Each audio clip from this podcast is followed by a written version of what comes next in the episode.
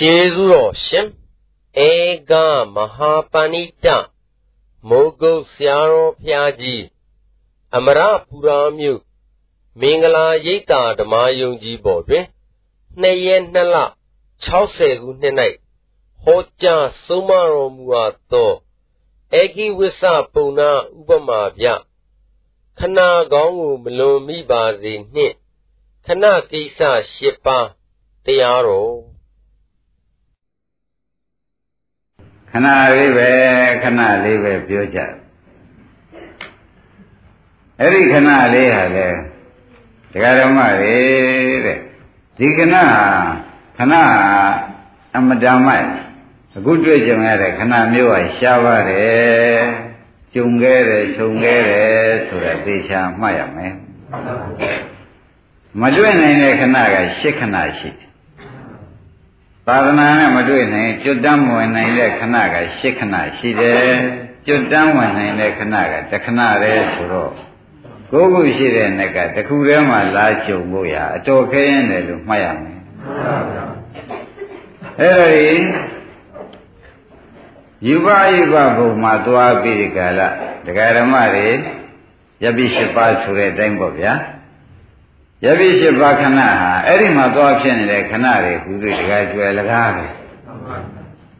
ခုဘုရားပွင့်တဲ့အခါကာလလူဖြစ်တဲ့အခါကာလပညာရှိနဲ့ကြုံတဲ့အခါကာလဒီခဏလေးသာကျွတ်တို့အဖို့တန်တဲ့ခဏလို့ဆိုရမယ်ယူပအယူပဘုံမှာကဘာချင်းပြီးကဘာပေါင်း900သွားနေရတယ်ယူပဘုံအပညာသဘုံနဲ့အယူပဘုံမှာသွားနေရမယ်ဆိုလို့ရှိရင် ဖြင့်အပညာသဘုံဆိုတဲ့ယုတ်ကြည်ဖြစ်နေလို့ဘုရားလည်းမရောက်ရောက်ရှင်းကြောင့်လည်းကျေးဇူးမရှိဆိုတော့အယူပဘုံဆိုတဲ့နာနေရှိနေလို့ကြားရတဲ့ယုတ်နဲ့မတွဲလို့သောတပတိမတရားမှလည်းတရားနာရမှတရားမှဖြစ်နေတော့အသိဉာဏ်သာအိဗဘုံမှာသွားနေတဲ့ခဏဟာလေအလကားခဏလို့မှတ်လိုက်စမ်းပါ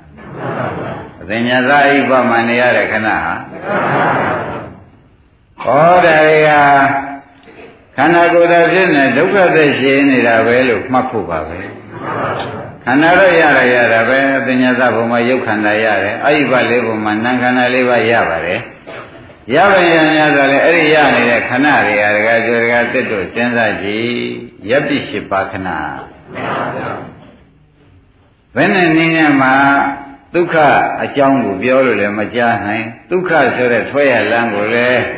ကိုယ်တိုင်လည်းမရှာနိုင်တဲ့ခဏတွေဖြစ်နေသောကြောင့်ရပ်ပိရှိပါတဲ့ကွင်းအသုံးကြရရဲ့တကယ်ငရဲရောက်နေတာငရဲရောက်နေတဲ့ခဏဟာလေတရားဓမ္မတို့ဘာသုံးကြလဲထွက်ရလန်းရှာနိုင်မှာမရှာနိုင်လို့ရှိရင်အဲ့ဒီခဏအလဲနှစ်နံပါတ်ခဏအလဲအလကားပါပဲ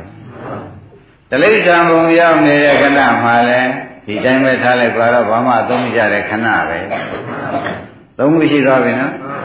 ဒိဋ္ဌဘုံရောက်နေတဲ့ခဏဟာလဲဒကာဓမ္မတို့အလကားခဏပဲဟဲ့တဟဲ့ပုဂ္ဂိုလ်တွေဖြစ်ပြီးဒီကလာနေတဲ့တွေ့မြတ်စွာဘုရားတရားတော်ဘယ်လိုပဲဟောညတော့လဲသူတို့နားမဝင်နိုင်တဲ့ခဏ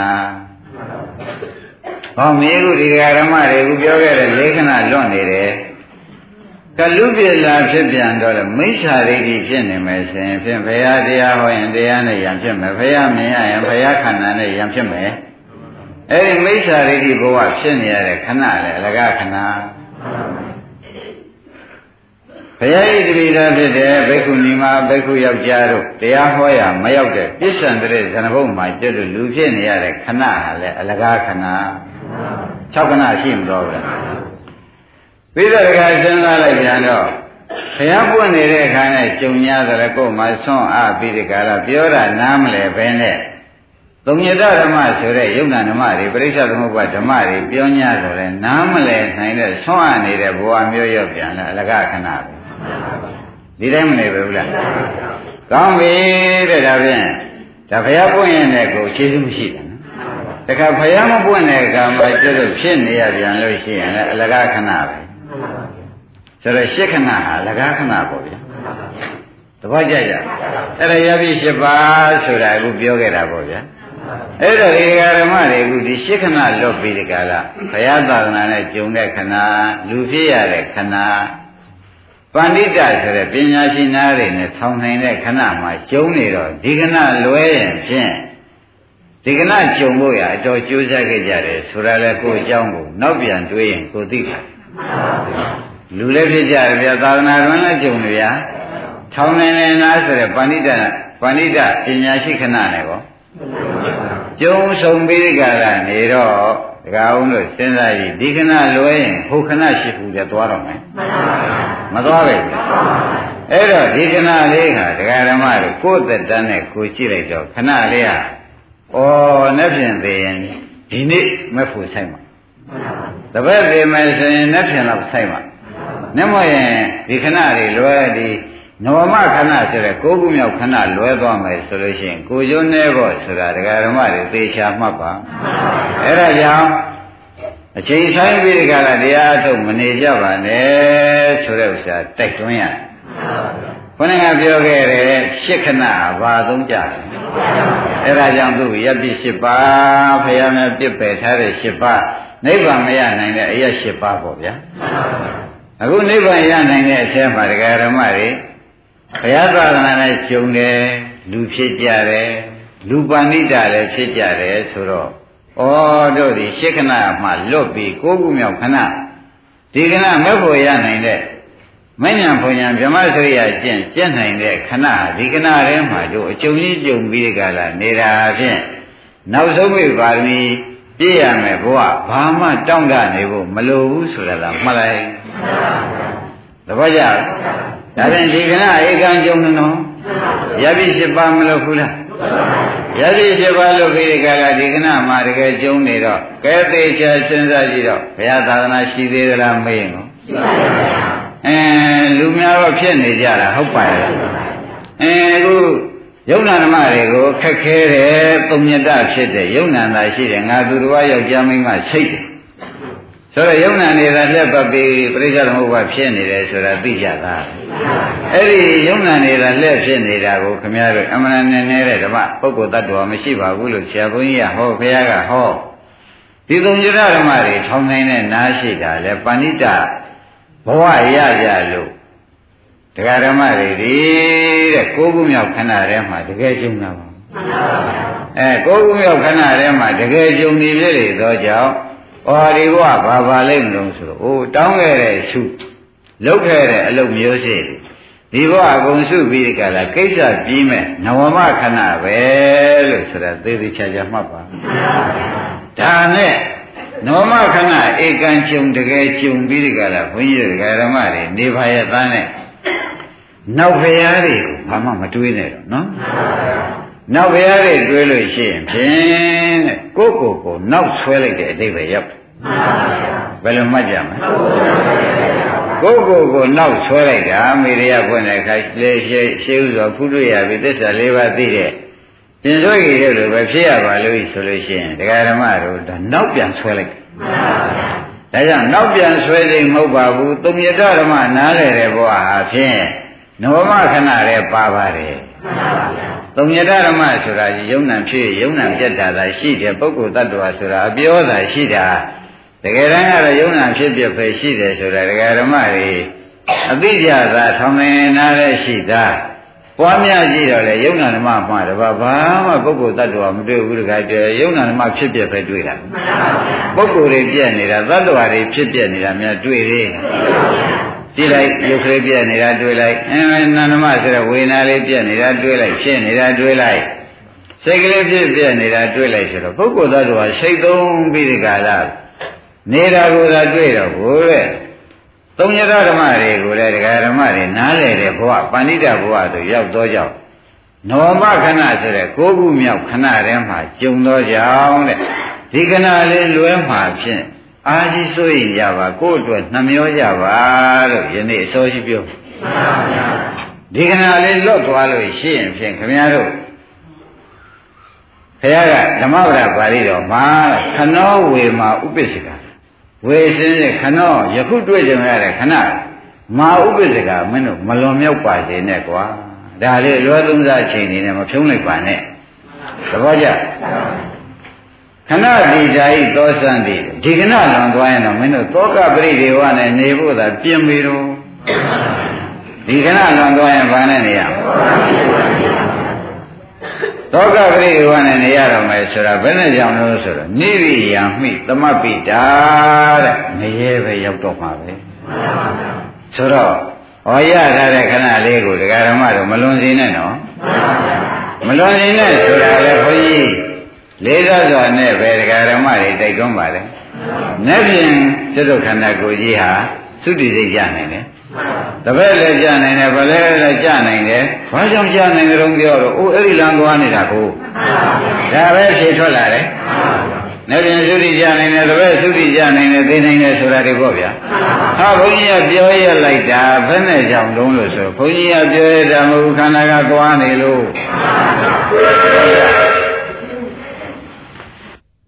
ကိုယ်ခဏလေးကနည်းနည်းကြံတော့တယ်နော်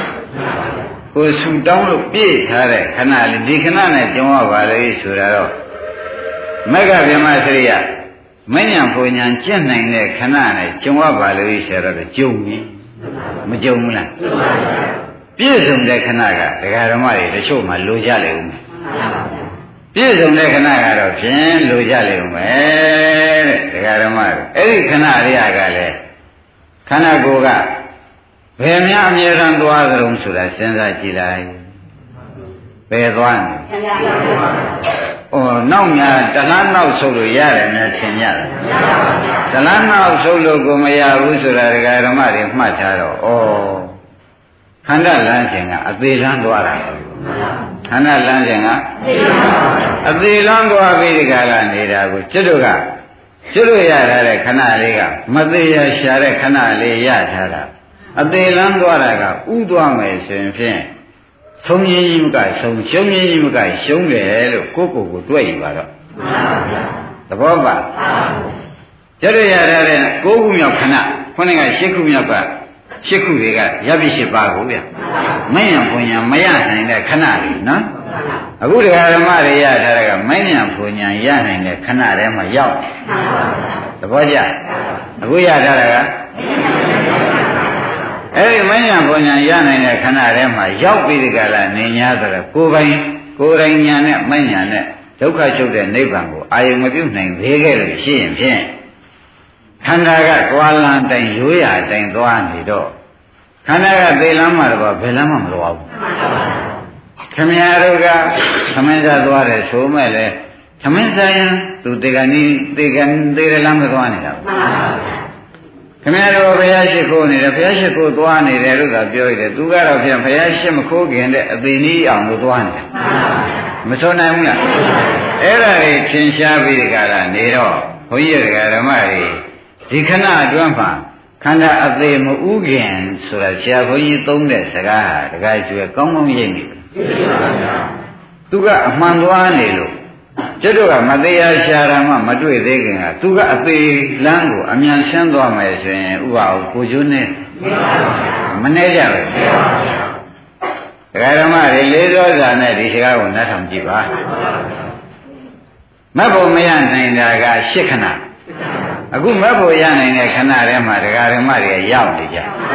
မရောက်ကြဘူးမတ်ဖို့ရနိုင်တဲ့ခဏတွေရောက်ပြီးဒီကလာနေ냐ဆိုလဲ မဉ္ဇဉ်ဘုံညာကဝန်းထဲမှာမရောက်သေးတော့နိဗ္ဗာန်မမြင်သေးဘူးပေါ့ဗျာမမြင်သေးပဲမင်းမမြင်သေးတာမင်းခဏနဲ့မင်းကြုံလို့မင်းမမြင်တာမင်းအာမထုတ်လို့ခန္ဓာကိုယ်ကငါသွားလန်းလို့သွားမယ်ပရိစ္ဆေသမုပ္ပါကဇာတိရတဲ့ဇရာသွားတာပဲဇရာကဘယ်သွားဗျာတိသွားဗျာတိကဘယ်သွားအဲ့ဒါနောက်ဆုံးလို့များရကြမရတော့သူကလည်းသူသွားလန်းသွားတယ်ဆိုတော့ကျွတ်တို့ကကျွတ်တို့သွားလန်းကိုသွားရတယ်မယ် ကျတော့ကကျတော့သွားလန်းကတို့ဒီကနာလေးကိုအလောသုံးစားလို့လို့မတော်ဘူးတာယသမီးရှိပွားရေးနဲ့ချိန်ဆုံးနေလို့မတော်ဘူးတို့ဒီကနိဗ္ဗာန်ရနိုင်တဲ့ခဏကိုရပြီးမှပဲနေရာကြမှာပဲဒီခဏနောက်လည်းကြုံစရာမမြင်ဘူးအဲ့တော့ခန္ဓာကိုယ်ကလည်းသွားနေတိုင်းသွားနေတယ်အိုးမင်းမရောက်ခင်တို့ကအရယူမယ်ခန္ဓာကိုယ်နဲ့ညာနဲ့ကိုပဲတရားဓမ္မတို့စစ်တိုက်ကြပါဦးခန္ဓာကိုယ်အတင်းသွားမှာပဲ သူကအတင်းပဲသွားလိမ့်ရှိအင်းညာအတင်းကမင်းကကောင်းနေတယ်သွားတော့မင်းလည်းဖရာလည်းထားလို့မရဘူးငါလည်းထားလို့မရဘူးအဲ့တော့တို့ရတဲ့ခဏလေးသူတော်ပြည့်ဘဝလေးကိုဖြင့်ကိုလိုရှိတဲ့မတရားကိုမြင်ရတဲ့အလုပ်လေးကိုအရယူထားလိုက်မယ်ဆိုပါမှခမည်းတော်နေကြကြတော့မင်းဒီဟာလေးမှလက်လွတ်သွားလို့ရှိရင်ခဏဒီတာဤသောစံသည်ခဏဒီတာယခု ရထားတဲ့ခဏလေးကိုလွန်ကြကုန်ပြီရှိတော့သောစံသည်စိုးရင်ကြောင်းကြတဲ့အချိန်ကုန်ရတော့မယ်ငရဲရောက်မှာဘူးဗျငရဲရောက်တော့ဘယ်တော့လွတ်ပါမလို့ဘယ်တော့ချွတ်ပါမလို့ဆိုစိုးရင်မှုကြောင်းကြမှုနဲ့အချိန်မကုန်ဘူးလားအဲ့ဒါကြောင့်ဘုန်းကြီးတို့ဓမ္မတွေခဏ၉ပါးရှိတဲ့နေ့ကမမရနိုင်တာက၈ပါးမဲ့ရနိုင်တာက၁ပါးဤတစ်ပါးထဲမှာအခုကြုံမြန်တော့လေခန္ဓာကိုယ်ကြီးနဲ့ခန္ဓာကိုယ်က မလျှော်ရမ်းသေးရသွားနေတဲ့ဥစ္စာကိုမောင်မြင်မဲနဲ့သူကအောင်မြင်သွားမယ်ဆိုဥပအောင်ကိုချိုးနေမနေဘူးလားအဲ့ဒါတွေညာနဲ့ဒကာဓမ္မတွေကစဉ်းစားတော့မှယောနဲ့ဖြင့်အယုတ်ကပေါ်ပြီးဗာဖြစ်အောင်မှလို့ဗာရညာတွေတွေးနေတဲ့သာထောင်ကိုယ်ကိစ္စပြီးအောင်မြန်မှန်လုပ်လိုက်အောင်သဘောကျအဲ့ဒါတွေမြန်မြန်လုပ်ပြီးဒီကလာဒကာဓမ္မတွေကအင်းကိုယ်ခဏလေးသာကိုယ်နှမျိုးကိုရေးရှိတယ်တပြားဒီကျတို့အေးမဆိုင်နိုင်ဘူး သဘောကျကိုယ်ခဏလေးသာကိုယ်နှမျိုးမှုနဲ့အသုံးချရနှမျိုးမှုနဲ့အသုံးချရမယ်ဆိုတာကနိဗ္ဗာန်ရနိုင်တဲ့ခဏမရဘဲနဲ့အသေးဦးမှာဒါဆိုရင်လေသဘောကျနိဗ္ဗာန်ရနိုင်တဲ့ဘဝမရဘဲနဲ့ခန္ဓာကိုယ်သွားတဲ့လမ်းကအရင်ဥသွားမယ်ဆိုရင်ကိုချိုးနေတယ်မနေရဘူးလားအဲ့ဒါတွေဒကာဓမ္မတွေညာလှည့်ကြည့်ကြပါခင်ဗျားတို့ ရစကားရစကားဝေစကားဈေးစကားတွေကိုဒကာကျွေးအသာထားအောင်နော်ကိုခဏလေးကိုကိုမအောင်မြင်မှဆိုရင်ရမညာရနိုင်တဲ့ခဏအခုကျုံနေမကြုံဘူးလားမညာရနိုင်တဲ့ခဏကြုံတာကိုကြုံတော့ကြုံပါရဲ့ဒီခန္ဓာနဲ့အာထုံမရမှာပဲ ဒီခန္ဓာကြီးကတခါသူကလည်းမအထုတ်ရင်ထုတ်လေမထုတ်မင်းမထုတ်လည်းငါတော့သေရသွားမှာပဲထုတ်နေလည်းသေရသွားမှာပဲမင်းဥအောင်လုံးရင်လုံးတော့ပဲဒါတော့ဒီအောင်ခန္ဓာကလည်းတင်းကံယုံပြီးကြလားသေလိုက်မယ်သေလိုက်မယ်အမြဲပြောနေကောင်းကြိုက်တယ်ဆိုတာသေလိုက်မယ်ပြောတာပဲတောင်းပန်ရင်တောင်းပန်ရင်မတောင်းပန်ရင်သေလိုက်မယ်ပဲအာနာလေးနဲ့တောင်းပန်လိုက်ငါတော့ဝန်ထုတ်ပြီးတကယ်လည်းတောင်းပန်လိုက်သဘောကျ အဲ့ဒါမလို့တောင်းပန်ရင်တောင်းပန်မတောင်းပန်ရင်နေငါတော့ဖြင့်ဒီဥစ္စာဒီနာနဲ့မသေးရဟိုနာနဲ့သေဖို့ရတော့ငါသွားမှာပဲဒီခန္ဓာကြီးကတော့လျှော့ရအဲမလျှော့တန်းသွားနေတဲ့ခန္ဓာကြီးနဲ့ဒကာဓမ္မတွေကနေရတော့ကိုယ်ဆူတောင်းပြည့်ထားတဲ့ကိုခုမြောက်မညံပုံညာရနိုင်တဲ့ခဏကိစ္စကိုမအောင်မြင်လိုက်ရင်ဖြင့်ဒီတဲ့ကိုကျွန်းနဲ့ရှာမတွေ့သိမနဲ့နာဘူးလားအဲ့တော့ကို ဘုန်းကြီးရေးကြည့်တယ်ဘုရားရေးကြည့်တယ်ဘုန်းကြီးတို့ဓမ္မတွေကလည်းနှမျိုးဖို့တဲကောင်းတယ်နှမျိုးဖို့သိကောင်းတယ်နှမျိုးဖို့သိကောင်းတယ်လို့တရားသစ်တို့တရားအောင်တို့လေးနဲ့ဆိုပြောနေဒါကြည်သာဟိုရှစ်ခဏလွတ်လာခဲ့တယ်ဗျလွတ်ပြီးကြတာမဉ္ဇဉ်ဖွညာရနိုင်တယ်ဗြဟ္မစရိယခဏကိုရနေတယ်ဒီထဲကရညာတော့လေဘုန်းကြီးကတခါခင်ဗျားတို့ရထားတော့အမှန်အမဲ့အကြောင်းကျိုးထူးတဲ့ပုဂ္ဂိုလ်တွေပါပဲ တို့တော့ခန္ဓာကြီးကပါနေတော့ခန္ဓာကြီးကသူ့လန်းသူ့သွားနေတယ်ခင်ဗျားတို့ကဥအောင်နှုတ်နေနှုတ်မညာဘုံညာအရာယူတယ်ယူမယူနိုင်သူကအသေးလန်းကြီးသွားမှသွားပြစ်နေတာခင်ဗျားတို့အမြင်သာဒီထဲကခင်ဗျားတို့ကကိုယ်အရေးမဆိုင်ဘဲနဲ့သူသွားရအလိုက်တိုင်းလိုက်နေကြမယ်ဆိုလို့ရှိရင်ခင်ဗျားတို့တောင်းလာတဲ့ရှုလှုပ်လာတဲ့ကုသိုလ်တွေဟာအလုံးစုံဟောတိကံဖြစ်ပြီးကာလဒကာဓမ္မတို့ငရဲပဲပြန်ရောက်သွားမယ်ဆိုတော့ ဒီနေရာလေးဒီခဏလေးပြန်တိုးနိုင်ဖို့ဝင်နိုင်ဖို့ရှိသေးရဲ့အမှန်တရားကြောက်ကြမကောင်းလားအဲဒါကြောင့်ခင်ဗျားတို့ကသာလေးမကြည့်သေးလို့သမီးလေးလူလားမရောက်သေးလို့ဘုရုနေရာမချသေးလို့ဘာရင်းညာတွေရှုံးမနေစမ်းပါနဲ့ကိုယ်ရေးကြည့်လိုက်စမ်းပါသဘောကျဘာကြည့်ရကိုယ်ရေးကိုရေးလို့ဆရာဘုန်းကြီးကမှားပြန်တယ်နော်ဒီခဏလေးနဲ့လောကောင်းမှဆိုလို့ ပြီးတော့ဒီခဏလေးထဲမှာဒီအခုမညံဘုံညာရဖို့အလုပ်ဆိုတာကလည်းကိုယ်ကပိုက်ဆံရှိလို့အစေခံနဲ့လုပ်ယူလို့ရတဲ့အလုပ်ကိုမညံဘုံညာရဖို့လုပ်ကအစေခံထားပြီးလုပ်လို့ပေါ့ဩဒါဖြင့်အပယ်လေးပါးကိုတခါဒကာဓမ္မတွေမသွားကြပါဘူးဆိုလဲကိုယ်ဟာကိုယ်မသွားတဲ့အကုသိုလ်မရှိအောင်ကိုယ်ကိုယ်လုပ်ရမှာပဲ နိဗ္ဗာန်သွားခြင်းများနဲ့သွားခြင်းနဲ့လို့လေကိုယ်တိုင်လုပ်ရမှာပဲမအပေသေးပါရောက်စေတဲ့တရားတွေရှောင်းမှလည်းသူများရှောင်ပေးလို့ရပါမရပါဘူးကိုယ်တိုင်ရှောင်မှကိုယ်တိုင်လုပ်မယ်မှန်ပါဗျာဒုက္ခကသိင်ကိန်းနဲ့နိဗ္ဗာန်ကြီးကိုရောက်အောင်လုပ်တဲ့အလုပ်ကောဒါကပိုက်ဆံရှိလို့ရတယ်လို့ဟုတ်ကိုယ်စရငှလို့မရဘူးတဲ့သတ င်းစာကြော်ညာပြီးဒီကလာရှာလို့မရဘူးမရဘူးဒီလုပ်တွေကလကားလုပ်တွေလို့ဒကာကျွဲတို့ဒကာသစ်တို့ဒကာအောင်တို့သိချင်မှတ်ပါဒါဖြင့်ကိုလုံးမကိုရမယ်အဖြစ်ကလည်းမသေးကြဘူးလားအဲ့တော့ကိုလုံးမကိုရမှာကိုသားလေးလူသားမြောက်သေးလို့သမီးလေးနေရာမချရသေးလို့ဆိုတာဒီဟာကတကယ်ကျော်ဘာလုံးပြဒီဥစ္စာမှားလုံးသက်သက်သုံးတယ် ဆိုရဘူးလားမှားလုံးသက်သက်ပဲလို့ဒကာဓမ္မတွေကောင်းကောင်းသဘောကျအဲ့ဒါခင်ဗျားတို့တုတ်သေးဆဲမဲ့ကြံရင်ကြံရင်ဩဟေးမင်းစိတ်ကတော်တော်မိုက်တယ်ကိုကိုကိုဆုံးပါပါနိဗ္ဗာန်ဆိုတဲ့ဒုက္ခကသိင်ကင်းကြီးနဲ့နိဗ္ဗာန်ကြီးဟာမင်းသူများသာမကြည့်တာကိုလည်းသာမကြည့်သေးလို့မင်းခန္ဓာကြီးကအသေးလန်းသွားတာလျှော့သလားသမီးနေရာမချရသေးလို့မင်းခန္ဓာကြီးကသေလန်းကို သွားတာများလျှော့သလားမေးကြည့်မလျော့ဘူးဆိုတော့မင်းစိတ်ကူးကတခြားခန္ဓာသွားကတဖုံလို့မှတ်လိုက်တာပေါ့စိတ်ကူးကတခြားခန္ဓာသွားကတဖုံဆိုတော့မင်းဟာအယူစိတ်ကူးနေတာလို့ကိုယ့်ကိုယ်လည်းမြည်ရသေးတယ်ဘယ်လိုမြည်ရ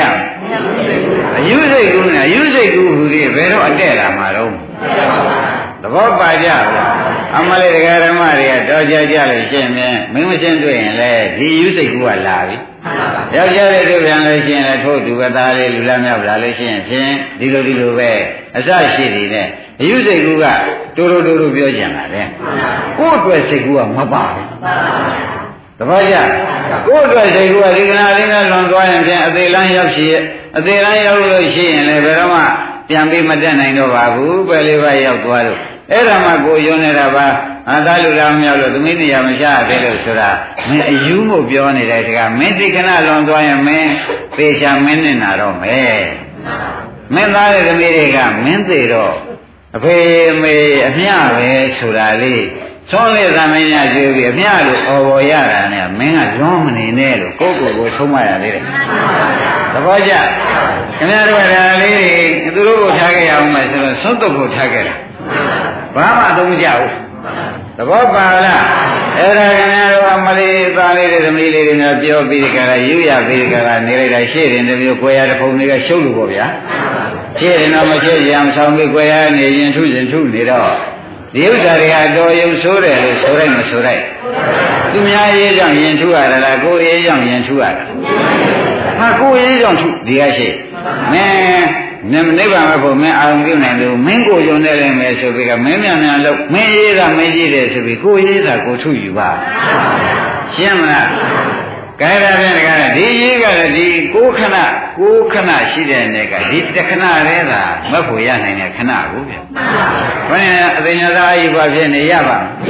မရဲဖြစ်နေတိဋ္ဌံဖြစ်နေပြိတ္တာဖြစ်နေမိစ္ဆာရိဖြစ်နေ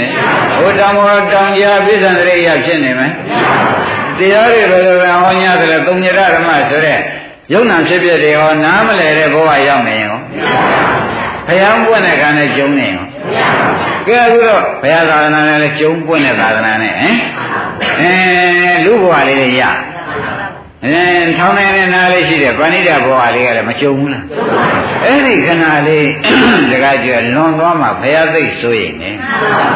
ဒါကြောင့်ခဏဝေမှာဥပိ္ပခခဏတိတာဤသောစံဤနိရိယာမိသမပိတာလို့ဓမ္မဝရမှာလည်းသေချာဟောပါတယ်ကိုယ်တော်တိုင်ဟောတယ်လို့မှား အင်္ဂုတ္တမှာလည်းဒီတိုင်းဟောတယ်လို့မှတ်ရမယ်သဘောပါကြ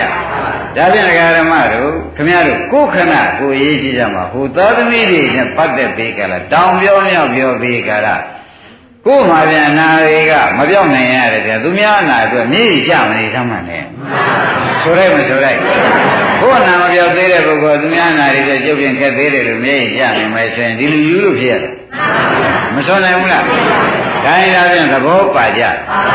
ဒါဖြင့်တကယ်ကြွေဘာရေးမြရေးတွေသာတာကိုခဏလေးကိုကိုမလွန်စီနဲ့ကိုရထားတဲ့ခဏလေးကို မလွန်စီဖို့မလွန်စီဖို့ဆိုတာတောင်မှအသက်တန်းကြည့်တော့တော်တော်လွန်လာနောက်ပိုင်းလေးပဲကြံတော့ဒီနောက်ပိုင်းလေးတွေကနှုတ်ဦးမယ်တာယသမီးစီးပွားရေးနှုတ်ဦးမယ်ဆိုရင်မကြံတော့ဗလာသေးရလိမ့်မယ်ဗလာသေးတဲ့ပုဂ္ဂိုလ်ကတော့ဖြင့်မေတ္တာဘုဒ္ဓမညာမတိ အပယ်လေးပါးတတ်တဲ့မညာမပါတော့ဘူးဆိုလို့ရှိရင်အပယ်လေးပါးသွားတဲ့တရားတွေကဥသိသွားလိမ့်မယ်မရှိပဲဘူးလားအဲ့ဒါကြောင့်တရားဓမ္မနည်းနည်းတွေကမတော့ပါနဲ့တော့လို့ပြောလိုက်တယ်ဘယ်လိုသတိပေးလဲတကယ်ကျွမ်းတော့နေရလားဆယ်နှစ်ဆိုတာအမှန်ကန်ကောင်းမှဒီထက်ကနှုတ်ဦးမဲ့ရှင်ဘာချန်တော့ငါကနှုတ်တာက50 60အကြံတဲ့30တွေကနှုတ်ဦးမဲ့ဆိုတော့ဘာချန်တော့ တကအောင်ငယ်ဒီတိုင်းမနေဘူးလားအဲ့တော့ဒီတွေကနှုတ်เสียတော့မရှိတော့ဘူးခင်ဗျားတို့ကကြံဖန်ပြီးကိလေသာကဆွဲနှုတ်နေတော့မပြောတတ်ဘူး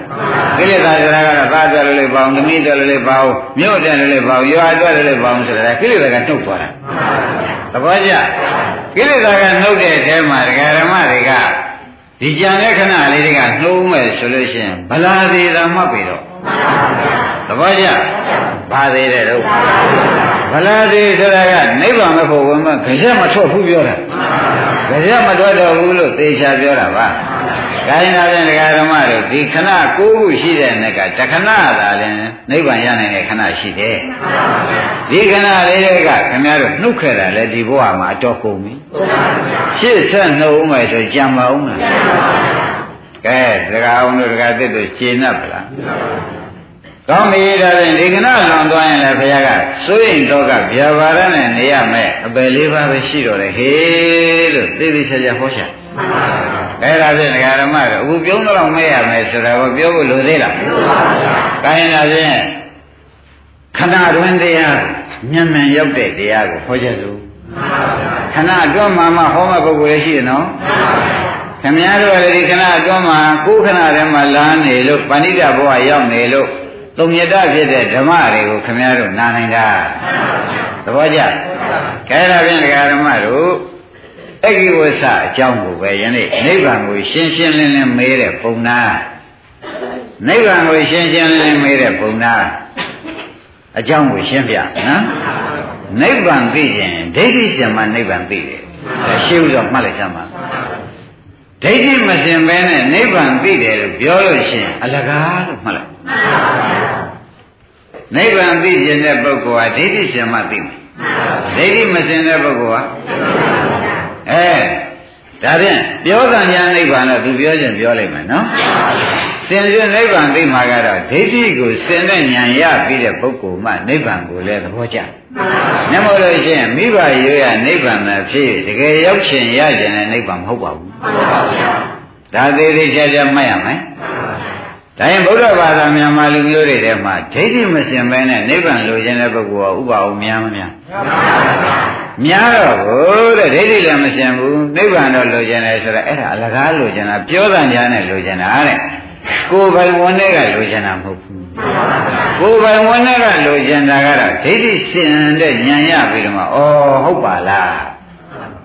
နိဗ္ဗာန်ဆိုတာဒီလိုပါလားဆိုတာသဘောကျဒါဖြင့် နိဗ္ဗာန်တို့နားလည်ကြလို့ရှိရင်ဒိဋ္ဌိရှင်အောင်လို့ဒါမှနိဗ္ဗာန်ကိုသူနားလဲနားလဲတော့မှတကယ်ရောက်ဖြစ်တဲ့ဉာဏ်ပေါ်လာဒါဖြင့်ဒိဋ္ဌိမစင်တဲ့ပုဂ္ဂိုလ်ကနိဗ္ဗာန်လိုချင်တယ်ဆိုတော့ရိုးရလို့မှား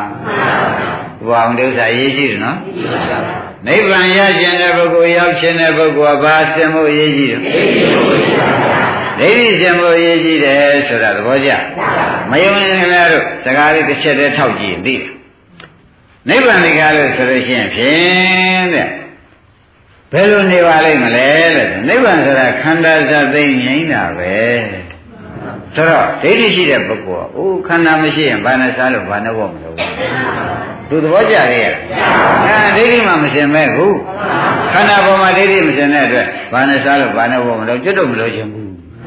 တခါဒိဋ္ဌိကကံထုတ်တယ် ဒိဋ္ဌိမစင်ပဲနဲ့နိဗ္ဗာန်လိုချင်တယ်ပြောတာတခါကျွဲအလကားနော်ဒါဖြင့်အလုံးစုံဓမ္မတွေလူတံပေကံပေတကလာဒိဋ္ဌိရှင်ဤနေတိကိုတော့ဥပအောင်သူတို့နီးမရဘူးဆိုကြပါလို့လူတံပေကံတဲ့ပုဂ္ဂိုလ်ဘုရားဘာသာရိုးရတဲ့နိဗ္ဗာန်လိုချင်လို့ဆိုတာသူတကယ်နည်းနည်းကြိုက်ကြိုက်လိုချင်တော့လားရိုးရအတိုင်းလိုချင်တာလားမရဘူးမရဘူးရိုးရအတိုင်းလိုချင်လို့ရှိရင်ဖြင့်တဲ့ဘာကြောင့်လဲဆိုတော့သူ့သေးချာစေ နိဗ္ဗာန်ဆိုတာလေလို့နားလည်တဲ့ပုဂ္ဂိုလ်ကယုံနာဓမ္မဘာမှရှာမတွေ့ဘူးဘာမှမရှိတော့ဘူးဒီလိုဟောဟောလိုက်တဲ့အခါကျဒိဋ္ဌိမစင်သေးတဲ့ပုဂ္ဂိုလ်ကြတာတော့ဒကာဓမ္မတို့ဘာမှမရှိတဲ့ယုံနာမှမရှိလို့ရှင်ဘာခံစားလို့ဘာကိုပျော်လို့ပါလို့ဘယ်ချမ်းသာဆိုတာဘာတုံးလို့ဒီမင်းပါလေမေးလားမင်းတဘာဖြစ်လို့မေးပါလိမ့်မလို့ကဲခိုက်ငါရှိနေတော့ ငါဘာခံစားမလဲအတိတ်ပဲမေးလိုက်တပည့်ကြဒါဖြင့်ရှင်းကနိဗ္ဗာန်ကိုလိုချင်တဲ့ပုဂ္ဂိုလ်တွေခုလိုဒိဋ္ဌိခွာပေးမဲ့ဆရာနဲ့လည်းမတွေ့ပဲနဲ့နိဗ္ဗာန်လိုချင်တဲ့ပုဂ္ဂိုလ်တွေဟာတကယ်လိုချင်ဟုတ်ဟုတ်ဒကာသေးတို့ဥပအောင်တို့ကဲခိုက်တာရိုးရဖြစ်ရသဘောကျဘယ်လိုမှတ်ကြ အဲရိုးရတွေကအချိန်ကုန်နေတာရိုးရဆိုတော့ဒကာကျွဲတို့ဒကာသစ်တို့ကစဉ်းစားတယ်ဩသူအဟုတ်လို့ကျင်တာလားပြောတာညာနဲ့ပြောနေတာလားဒါဖြင့်သူအဟုတ်လို့ယမအဟုတ်ရမယ်လို့သူလုံးမှာမဟုတ်လားအဲ့ဒါလုံးဖြစ်ပါအောင်လားအမဘာလို့မလို့ဖြစ်တုံးဆိုတော့အဟုတ်ကိုဒိဋ္ဌိမစင်တော့နိဗ္ဗာန်ဆိုတာခန္ဓာမရှိဘူးခန္ဓာမရှိတဲ့တဲ့သူဒိဋ္ဌိကခန္ဓာဆွဲနေတာ အဲ့တော့သူကြိုက်ပါအောင်လားဒါဖြင့်ဒိဋ္ဌိမစင်မဲဒိဋ္ဌိကိုဆရာသမားကြီးကနေရပြီးမစင်မဲနဲ့နိဗ္ဗာန်လိုချင်တယ်ဆိုတဲ့ပုဂ္ဂိုလ်အပြောဟာကဒါကြွယ်ရိုးရပြောမှတ်လိုက်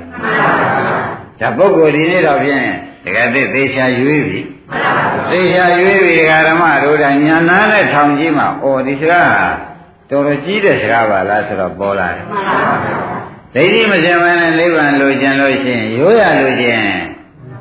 ဒိဋ္ဌိညာနဲ့စင်ပြီးမှလိုချင်တဲ့ပုဂ္ဂိုလ်မှာအမှန်လိုချင်ရိုးရလိုချင်နဲ့အမှန်လိုချင်ကွဲဗလားဒကာကျော်ဘယ်နှမျိုးပါလဲတစ်မျိုးပါပါလဲရိုးရကဲရိုးရလိုချင်တဲ့ပုဂ္ဂိုလ်ကပါပါလဲဒိဋ္ဌိမစင်မဲနဲ့သူဒိဋ္ဌိဖြုတ်ဖြုတ်တဲ့ညာမပါပဲနဲ့ရမ်းလို့ညာ ဒိဋ္ဌိပြုတ်တဲ့ဆရာသမားနဲ့တွေ့ပြီးဒိဋ္ဌိပြုတ်ပြီးသဘောကျပြီးလိုချင်တဲ့ပုဂ္ဂိုလ်ကတော့ပြန်မှန်းလို့ချင်းဒိဋ္ဌိပြုတ်တဲ့ကမိစ္ဆာဒိဋ္ဌိပြုတ်တဲ့ကသမာဓိဋ္ဌိဆိုသမာဓိဋ္ဌိကသမာကပံကတာဒိဋ္ဌိကမြင်တာအမှန်မြင်တဲ့လိုချင်တာသဘောကျဒါဖြင့်ဒိဋ္ဌိမပြုတ်ဘဲနဲ့လိုချင်တာကတော့အမှန်မြင်ပြီးလိုချင်တာဒီမှာခွဲလိုက်တော့ရှင်းပါအမှန်မြင်ပြီးလိုချင်တဲ့နိဗ္ဗာန်ဘယ်တော့မှမရအမှန်မြင်ပြီးလိုချင်မှ ဒါဖြင့်ဒိဋ္ဌိမပြုတ်တဲ့ပုဂ္ဂိုလ်နိဗ္ဗာန်လိုချင်တာမရဘူးဒိဋ္ဌိကိုသုတ္တမယဉာဏ်နဲ့ပြုတ်ပြီးလို့သဘောကျပြီးမှလိုချင်တဲ့ပုဂ္ဂိုလ်မှာအမှန်မြင်လိုချင်အဲ့ဒီလိုခွဲလိုက်တော့ပါဒကာဓမ္မတွေရှင်းသွားတော့ရှင်းမလားကဲကြွယ်ဒီသုံးကမသေးဘူးနော်မသေးဘူးမသေးဘူးကဲဒါကြောင့်ကဲဒိဋ္ဌိပြုတ်တဲ့ ဒိဋ္ဌိမပြုတ်ဖဲနဲ့နိဗ္ဗာန်လိုချင်ခဲ့တော့တရားဓမ္မတို့နိဗ္ဗာန်ကိုလည်းသူလိုချင်တဲ့သဘောလည်းမရောက်ပါဘူး။သင်နိဗ္ဗာန်လည်းသဘောကျမယ်လည်းမဟုတ်တော့ပါဘူး။ကြပါဦးမလား။ဒါရင်ဒိဋ္ဌိကမပြုတ်တော့နိဗ္ဗာန်ကိုဘယ်လိုဟောသဘောမကျဘူး။ထိုကဲ့သို့သဘောမကျတဲ့ပုဂ္ဂိုလ်ကကျိုးကျိုးဆာဆာကိုလှုပ်ဖြစ်ပါမလှုပ်ဖြစ်တော့သူ့မှာဖြင့်ဒကာဓမ္မတို့ မမြအယူမမြဲသေးဘူးလားဆိုပြီးတော့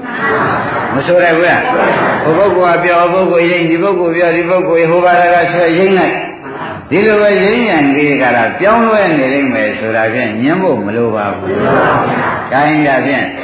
နိဗ္ဗာန်လိုခြင်းနိဗ္ဗာန်နောက်သားဒိဋ္ဌိရှင်ဖို့အရင်ကြိုးစား။နိဗ္ဗာန်လိုခြင်းနိဗ္ဗာန်လိုခြင်းဒိဋ္ဌိရှင်ဖို့အရင်ကြိုးစားမှနိဗ္ဗာန်ကိုသူကောင်းကောင်းသဘောကျ။ သဘောကျအခုတရားဓမ္မတွေလုံးနေတာနိဗ္ဗာန်တော့လိုချင်တယ်ဒိဋ္ဌိတော့ဆင်အောင်မလုပ်ဘူးဆိုတော့သူလိုချင်တာပြောတန်ချပါပဲရှင်းမလား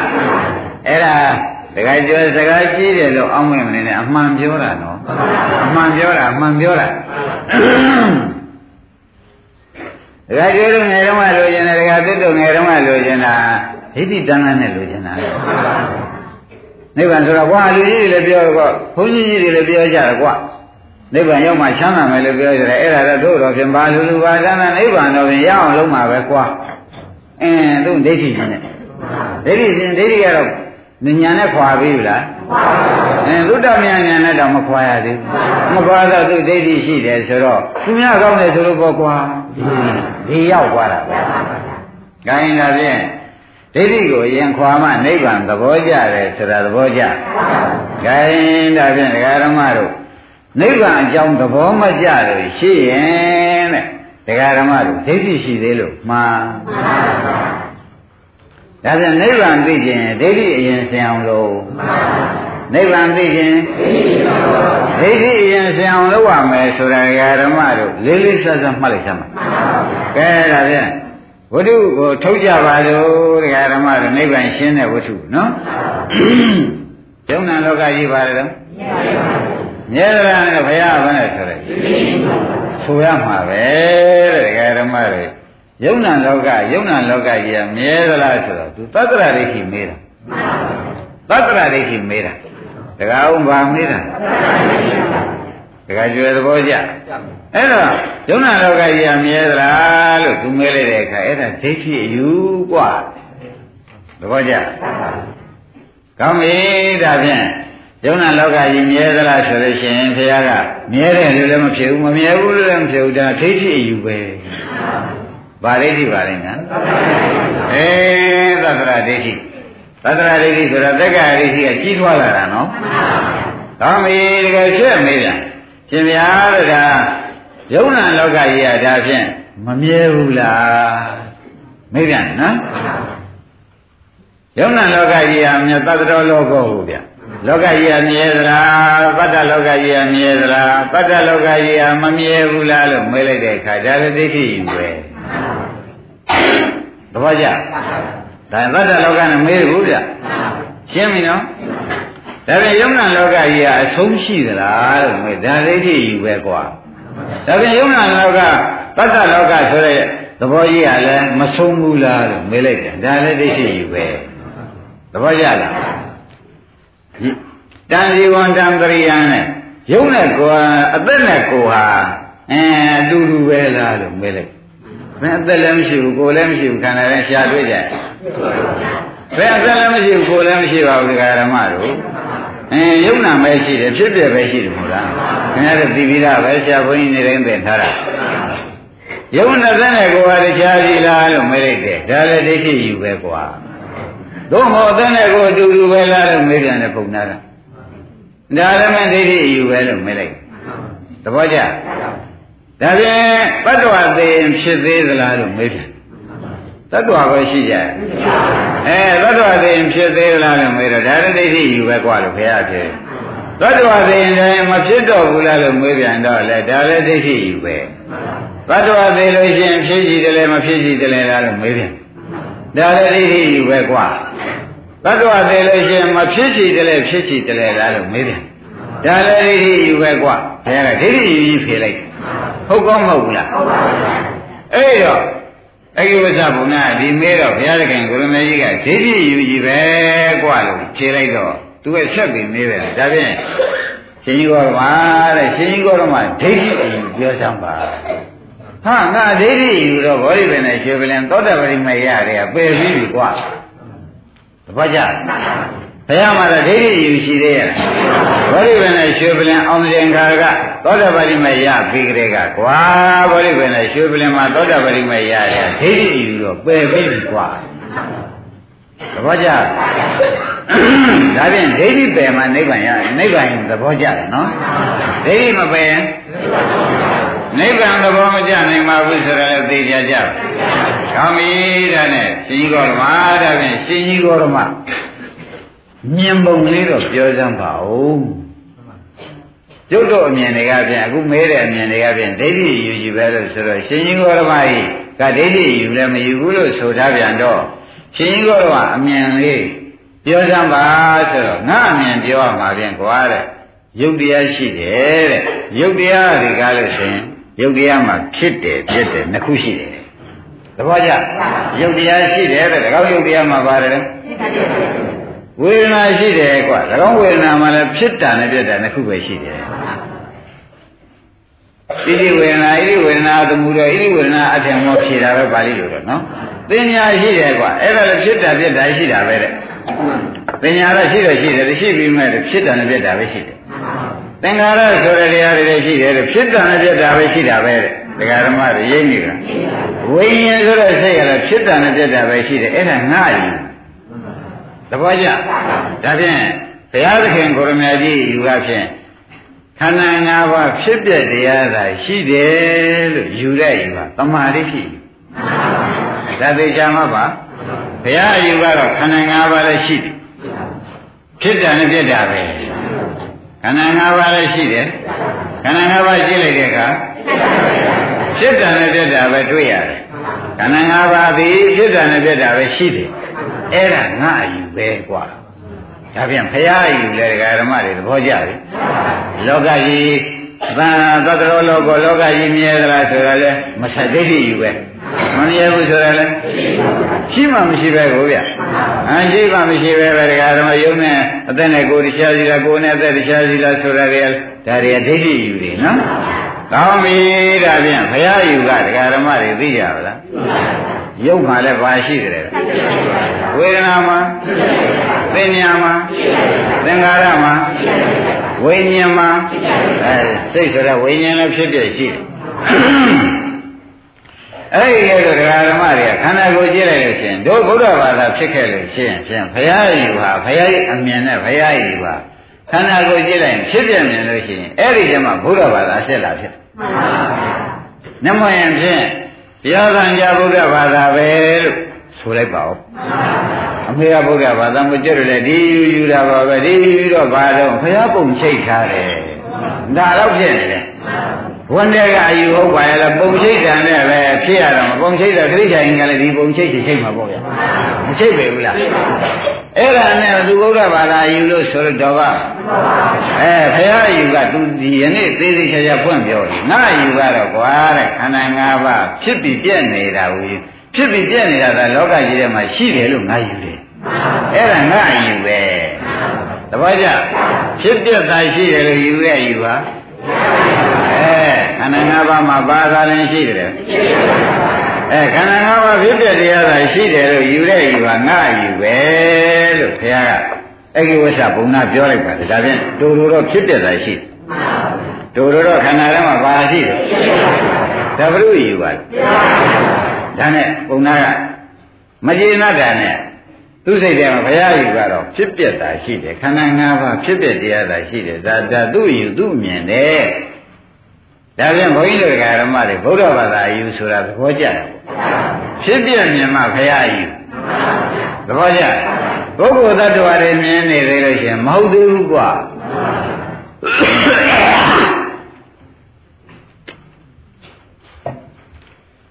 ဒါနဲ့ဘုံနာဆက်မေးတာလေတခါကျော်နတ်ထောင်သမောင်းဒါရင်ရှင်ကြီးတော်မှာတဲ့ဤကဲ့သို့ခန္ဓာ၅ပါးဒီဖြစ်ပြီးပြတ်တာပဲရှိတယ်လို့ယူတဲ့ယူပါရှင်ကြီးတော်မှာယူလို့ဆိုတော့ဒီဒီလိုယူနေတော့ဒီလိုရှုပြီးဒီလိုခန္ဓာကိုယ်နဲ့ဒီလိုမြင်နေတော့ဘာများကျေးဇူးရှိတယ်ဘုံနာချက်မေး။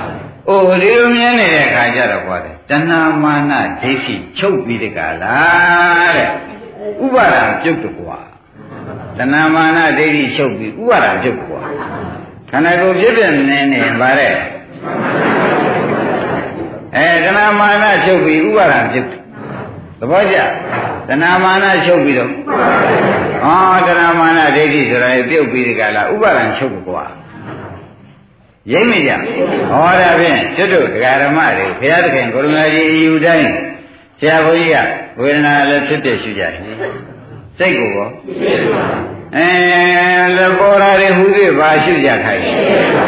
အဲဒါဘုရုယူပါလေအဲဒီယူယူတဲ့ပုဂ္ဂိုလ်ဟာဘာချုပ်တယ်တဏမာနဒိဋ္ဌိချုပ်ပြီးဒီကလာဥပါဒံရုပ်သိမ်းတယ်တပည့်ကြတဏမာနဒိဋ္ဌိချုပ်ပြီးဒီကလာ သဘောကျတဏမာနဒိဋ္ဌိချုပ်ပြီးဒီကလာဥပါဒံရုပ်သိမ်းတယ်ဆိုတော့ဥပါဒနာပြည့်စရာကာမဘောပေါ်သေးရဲ့မပေါ်ဒါနဲ့ကံကုန်သွားတယ်ကံကုန်သွားလို့ရှိရင်ကာမဘဝပြည့်စရာဇာတိလာအောင်မလားဩဒါဖြင့်ဇာတိဒုက္ခအစပြီးချုပ်လေရဲ့မစွနိုင်ဘူးလားဒါလိုပဲဘုရားသခင်ကိုရမေကြီးကဘုံနာကရှင်ဗျာတဲ့ယုတ်တရားနံတရားတဲ့ရှင်ဗျာကဖြစ်ပြလို့ ရှိရတဲ့အယူဟာငါဘုရားရဲ့အယူလို့ဆိုတော့ဒီလိုအယူတဲ့ပုဂ္ဂိုလ်ဘာကျေးဇူးရှိတယ်လို့မေးတော့ဘုရားကတဏမာနာဒိဋ္ဌိချုပ်ပြီးဥပါဒံပြုတ်တကွာဘုရားဖြေလိုက်အဲ့ဒါဓမ္မတွေကတိုးချက်ပြီးဆရာဘုန်းကြီးပြောတာကိုယူလိုက်တော့ဥပါဒံပြုတ်ရင်ကံပြုတ်တာကမ္မဘဝဖြစ်เสียအဲကံပြုတ်ဘောဇာတိလာခြင်းလို့ဇာတိမှမရှိဘဲနဲ့ဇရာလာခြင်းလို့မလာတော့ပါဘူးဆိုတော့ဩ ဇာတိချုပ်ရနိဗ္ဗာန်ဇရာချုပ်ရအဲမရဏချုပ်ရဩဒါဖြင့်ဒကာဓမ္မဖြစ်ပြကုန်မြင်မှဒိဋ္ဌိပြုတ်တယ်ဒိဋ္ဌိပြုတ်မှနိဗ္ဗာန်ကိုသဘောကျဒိဋ္ဌိမပြုတ်ပေါ်ဗလားဩဒါဖြင့်ဒကာဓမ္မတော့နိဗ္ဗာန်သဘောကျတဲ့ပုဂ္ဂိုလ်ဟာဒိဋ္ဌိပြုတ်မှာ ငကိုကနိဗ္ဗာန်လိုချင်ပါတယ်ဆိုတာဒိဋ္ဌိမပြုတ်တဲ့ပုဂ္ဂိုလ်ကြီးလိုချင်တာရိုးရမှာဒိဋ္ဌိပြုတ်ပြီးလိုချင်တဲ့ပုဂ္ဂိုလ်မှာအမှန်မှန်ဒိဋ္ဌိပြုတ်တဲ့ပုဂ္ဂိုလ်ကြတဲ့ဓမ္မတို့သင်ညာပြုတ်အဲတိရဏပြုတ်ပွားများလို့ပဲပြုတ်ပြုတ်ပြုတ်တဲ့ပုဂ္ဂိုလ်ကတော့ဖြင့်အင်းဒါတွေကဖြစ်ဖြစ်တွေပဲနိဗ္ဗာန်မှပဲခိုင်မြဲမှာပဲဟောသူ့ဟာသူသဘောကျဒိဋ္ဌိပြုတ်တဲ့ပုဂ္ဂိုလ်ကသူ့ဟာသူနိဗ္ဗာန်သဘောကျဒိဋ္ဌိမပြုတ်သေးတဲ့ပုဂ္ဂိုလ်ကနိဗ္ဗာန်ကို သဘောမကျဘဲနဲ့သူတို့ဆူတောင်းနေတာပါပါလိမ့်လုံးမေးကြရင်မနဲ့ပြောကြရိုးရအလုံးလုံးတာဩခင်ဗျားတို့ကဆရာဘုန်းကြီးကဆွဲနေတာရိုးရကြီးပြပက်ရောက်ဆွဲထုတ်ရိုးရနဲ့သေသွားမဆိုးလို့တခါကျွေရရိုးရပြင်မဲ့ရအောင်ဆွဲထုတ်နေရသေးတယ် ရိုးရကလည်းအမှန်ကြောက်เสียကောင်းတယ်အုံဆွဲတဲ့မျိုးကအုံဆွဲရိုးရဗျမဆွဲဘူးလားအဲလူမာလို့ရှိရင်ပြင်ကရှင်များကျွတ်သတိရပူဇော်ရတယ်ဆိုတာရိုးရကမှအတော်နှိမ့်ဆက်တာမနှိမ့်ဆက်ဘူးလားအေးအောက်စီကြပြန်လို့ရှိရင်ငရနဖားတို့တင်ရတယ်လေရှိကြအဲရိုးရနှိမ့်ဆက်ထားတာလွယ်သလားဗျအဲရိုးရတော်ကြောက်ကြမကောင်းလားအဲ့ဒီကဆွဲထုတ်နေရတာ ရင်းမိဗလားကဲဒါဖြင့်ဓမ္မတို့ခင်ဗျားတို့ငကူကဘုရားဘာသာဆိုတာနိဗ္ဗာန်တော့ဖြစ်တောင်းကြတာပဲအဲဟုတ်လို့ကျင်တာလားမေးတော့ဘယ်နဲ့ကြောင့်သူရိုးရဖြစ်နေတယ်လို့ဆိုတော့ဒိဋ္ဌိမပြုတ်ဘဲနဲ့လိုချင်နေတာဒိဋ္ဌိပြုတ်မှသာရင်ဩဒီဥစ္စာက ဖြစ်ပြကိုမြင်တော့ဩဖြစ်ပြတာရှိတယ်အနိစ္စတာရှိတယ်ဆိုတော့ဒိဋ္ဌိကပြုတ်မသွားဘူးအဲဒီအနိစ္စနဲ့ပြန်မနေခြင်းပါဘူးအနိစ္စသွားပါတော့မယ်ဆိုတော့ဒိဋ္ဌိပြုတ်တဲ့ပုဂ္ဂိုလ်မသွားချင်ဒိဋ္ဌိမပြုတ်တဲ့ပုဂ္ဂိုလ်ကတော့သွားကိုမသွားခြင်းဘူးဆိုတာသေသေးချာချာပေါ်လာတယ်ဒါကြောင့်ဒီဝိထုကိုထုတ်လာတာဒိဋ္ဌိပြုတ်မှနိဗ္ဗာန်ရောက်မနော်သောတပတိမရတယ်ဆိုတော့သောတပတိမဒိဋ္ဌိဖြုတ်ရတာရှင်းပြီနော်ကောင်းပြီဒါနဲ့ ဘုရားယူဘောခင်ဗျားတို့သိပြီလားခန္ဓာ၅ပါးရှိတယ်တဲ့ဖြစ်တယ်လို့သိနေတဲ့ယူဟာငါယူပဲခန္ဓာ၅ပါးရှိတယ်နော်ဖြစ်ပြလို့သိနေတဲ့ယူဟာဒါနဲ့ဘုံနာဆက်မေးတာကိုသဘောကျလားအဲဒီယူယူတော့ခန္ဓာ၅ပါးကိုဖြစ်ပြလို့အယူရှိပြီးရှုနေတဲ့ပုဂ္ဂိုလ်ခန္ဓာ၅ပါးဖြစ်ပြကြည့်ပဲလို့ဒီယူယူနေတဲ့ပုဂ္ဂိုလ်များ ဘယ်သွားကြတော့ဘယ်ဘယ်လိုကျေးဇူးရှိကြတော့ဆိုတော့ဘုရားကအိုးတဏမာနဒိဋ္ဌိချုပ်ပြီးဥပါဒံချုပ်တကွာဘာလဲလဲအဲ့ဒါကဓမ္မတွေညံဖြန်းလိုက်ဒီတဲက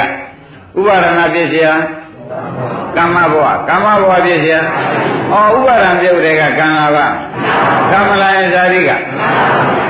ဒါဖြင့်ကံကံကုန်တာလေကံတို့သိမ့်ရတယ်နိဗ္ဗာန်သ ဘောကျဥပါဒံပြုတ်တာလေအဲဇာတိပြုတ်တာဗျာမရဏပြုတ်တာလောကပရိဒေဝပြုတ်တာဩနိဗ္ဗာန်ဆိုတာဒကာဓမ္မတို့ဖြစ်ပြမြင်ပြီးဒီကရာဖြစ်ပြတာရှိတယ်ဆိုတော့မှညာကပြောင်းပြီးဒီကရာဖြစ်ပြသေးတဲ့ညာကတော်ပြီဒီခန္ဓာကြီးမရကျင်တော့ဘူးဖြစ်ပြနေတဲ့ခန္ဓာကြီးဘာလို့ဖို့လို့ခဏခဏငွေခဏခဏသေးနေတဲ့ခန္ဓာကြီးရတာလို့ဘာကျေးဇူးရှိသလဲ ဒီတိုင်းကိုကြံထဲမှာမလာဘူးလားဒုက္ခတော့လာတော့ဒီဖြစ်ပြမရှိတဲ့နေရာသွားပါတော့မယ်ဆိုတဲ့ညာသူ့ဟာသူပဲလှဲ့သွားမလှဲ့ဘူးလားလှဲ့တာအဲ့ဒါနိဗ္ဗာန်ပဲလှဲ့ဒါအလိုလိုလှဲ့တာလားဖြစ်ပြမြင်လို့လှဲ့သွားတာအဲ့ဒါကတော့ဒကာဓမ္မတွေကစဉ်းစားလိုက်တဲ့တမာဒိဋ္ဌိကျင်လို့လိုချင်တာဒိဋ္ဌိစင်တော့နိဗ္ဗာန်ပဲလက်ပြီးလိုချင်သွားတာဒိဋ္ဌိမစင် ဒါဖြင့်ခန္ဓာကိုယ်ကြီးလေဒီခန္ဓာကြီးနဲ့နိဗ္ဗာန်ရောက်ပါလိမ့်ဆိုတဲ့ပုဂ္ဂိုလ်များတော့မရောက်ပါဘူးတချို့ဒီခန္ဓာကြီးနဲ့နိဗ္ဗာန်ရောက်ပါလိမ့်တောင်းတောင်းနေသေးတယ်ဟုတ်ကလားအဲနောက်ဆုံးမိဘဝရောက်ပါလေဆိုတော့နောက်ဆုံးမိဘဝလည်းတွေ့ရအောင်မရောက်လည်းရောက်အောင်မယ်ဆိုဘယ်ကလည်းရောက်မှာသဘောကျနောက်ဆုံးမိလူဘဝနဲ့နိဗ္ဗာန်ရောက်ပါလေနတ်ဘဝနဲ့ဟာလူဘဝနဲ့နိဗ္ဗာန်မရောက်နိုင်ပါဘူးနတ်ဘဝနဲ့ရောမရောက်နိုင်ပါဘူးဆိုတာပေါ်လား ကိုင်းတာပြည့်ကဓမ္မတို့ပုံနာမေးတဲ့ချက်လက်ခင်ဗျားတို့တော်တော်သဘောပါတဲ့ပုံနာပဲဒါခင်ဗျားတို့จิตတို့ဖို့ဖြင့်ဩဒိဋ္ဌိပြုတ်မှနိဗ္ဗာန်ကိုကြိုက်တယ်ဆိုတာသိကြတော့သိကြကြဒါနဲ့ဘုံနာကချက်မေးတယ်ဒကာရမတို့ဩမေတဲ့ရှင်ကြီးကောင်းမှာဒိဋ္ဌိဒီယုံနာတွေကိုဖြစ်ပြဖြစ်ပြတာရှိတဲ့အယူဟာ ရှင်ဘုရားကြီးအယူလို့ဆိုတော့ဒီယူတဲ့ပုဂ္ဂိုလ်ကတဏှာမာနဲ့ဒိဋ္ဌိပြုတ်ပြီးဒကာလားဥပါဒံချုပ်တယ်လို့ပြောတော့ဥပါဒံချုပ်တဲ့ပုဂ္ဂိုလ်ဘယ်များသွားဖြစ်တယ်ဒီလိုကိုမေးတာဥပါဒံချုပ်တဲ့ပုဂ္ဂိုလ်ဘယ်သွားဖြစ်တယ်ဆိုတော့ကျတော့ခင်ဗျားတို့သိထားတာကဥပါဒံချုပ်ရင်ဘာတော့နိဗ္ဗာန်ဥပါဒံချုပ်တော့ကံချုပ်တယ်ကံချုပ်တာလဲအဲကျတော့ကနိဗ္ဗာန်သိထားတယ်ဒိဋ္ဌိပြုတ်ထားလို့ ပုံနာကဒိဋ္ဌိမပြုတ်သေးတဲ့ပုံနာဖြစ်နေဥပါဒံချုပ်တဲ့ပုဂ္ဂိုလ်ဘယ်သွားဖြစ်တဲ့ုံကိုမေးတာသဘောရလားဥပါဒံချုပ်တဲ့ပုဂ္ဂိုလ်ဘယ်သွားဖြစ်တဲ့ုံလို့မေးတော့ဒကာဓမ္မတွေစဉ်းစားကြည့်ပုံနာမှာဒိဋ္ဌိရှိမရှိရှိပါဥပါဒံချုပ်တဲ့ပုဂ္ဂိုလ်ဘယ်သွားဖြစ်သလဲလို့မေးတော့ဘုရားကဘယ်သွားဖြစ်တယ်လို့ငါမဖြေဘူးကွာဟောဒါနဲ့မဖြစ်ဘဲနေလားလို့ဆက်မေးပြန် မဖြစ်ဘူးလို့လည်းငါမဖြေဘူးကွာသဘောကျဒါပြင်ဖြစ်ကြည့်တယ်မဖြစ်ကြည့်တယ်လားလို့မေးပြန်ဒီလိုလည်းငါမဖြေဘူးကွာ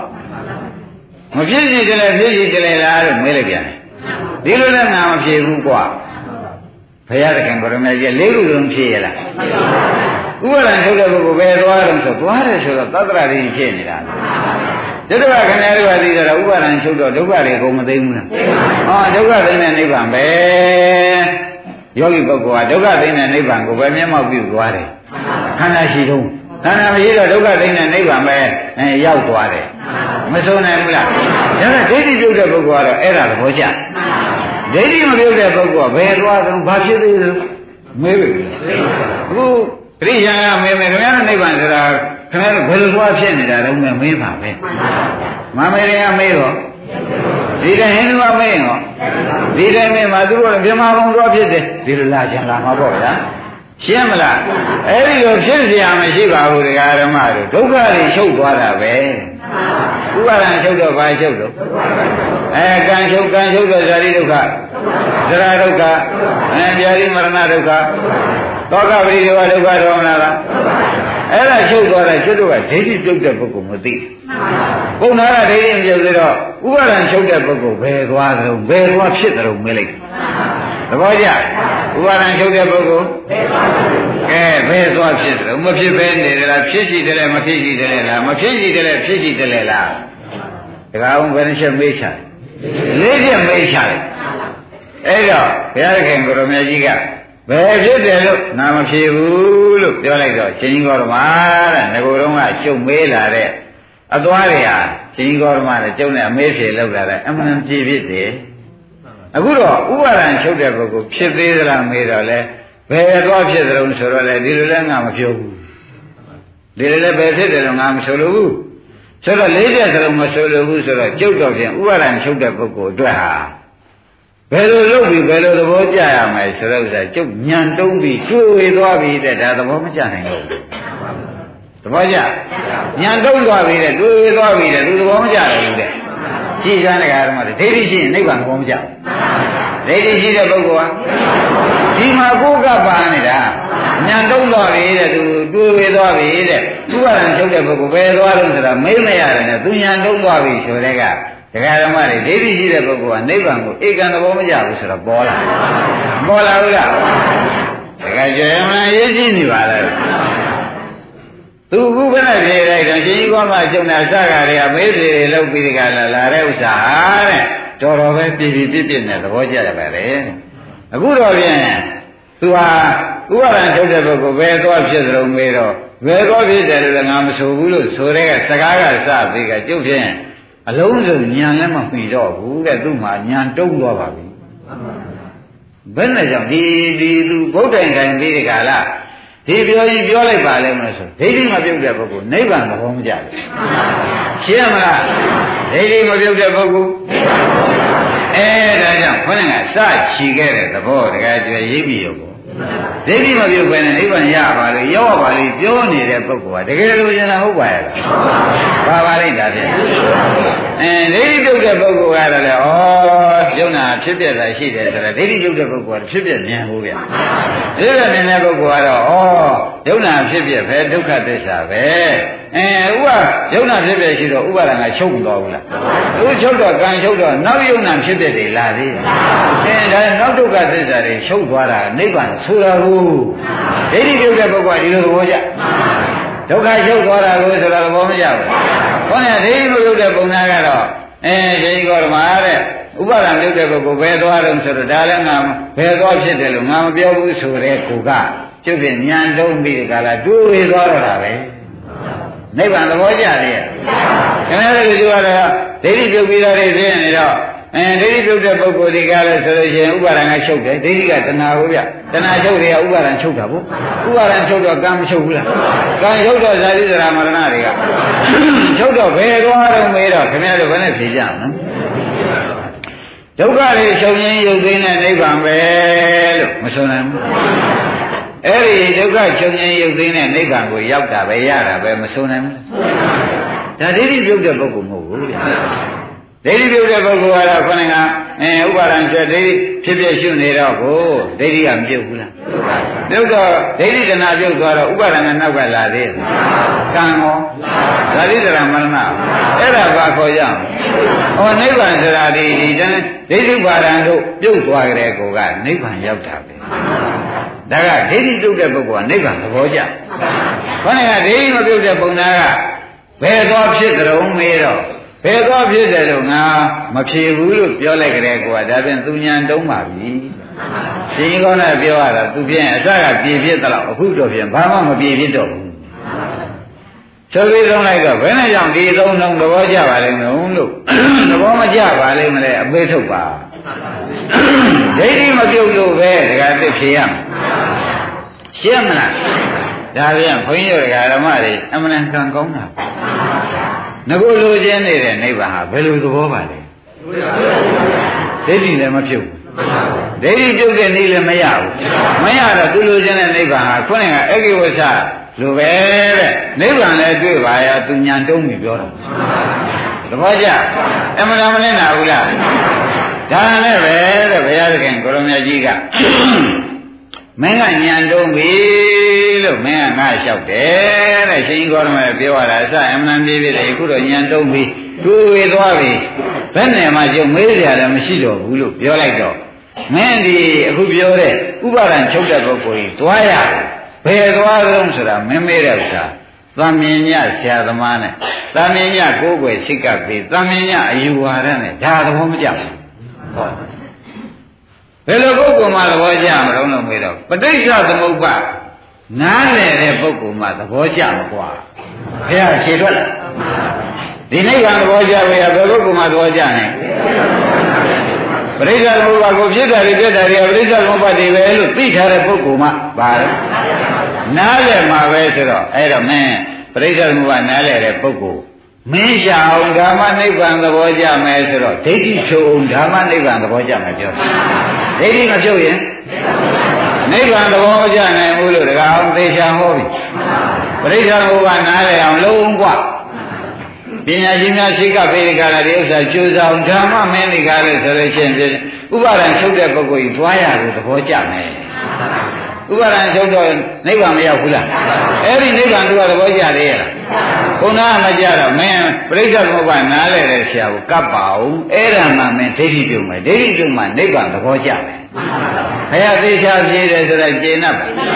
နောက်တော့ဒိဋ္ဌိဖြုံးပြီးကြလားနိဗ္ဗာန်သဘောကျဖို့မျက်ဖြင်တော့သူအကျေဟောလိုက်မယ်နော်ကဲဒီနေ့ဒီရင်တော်ကြတယ်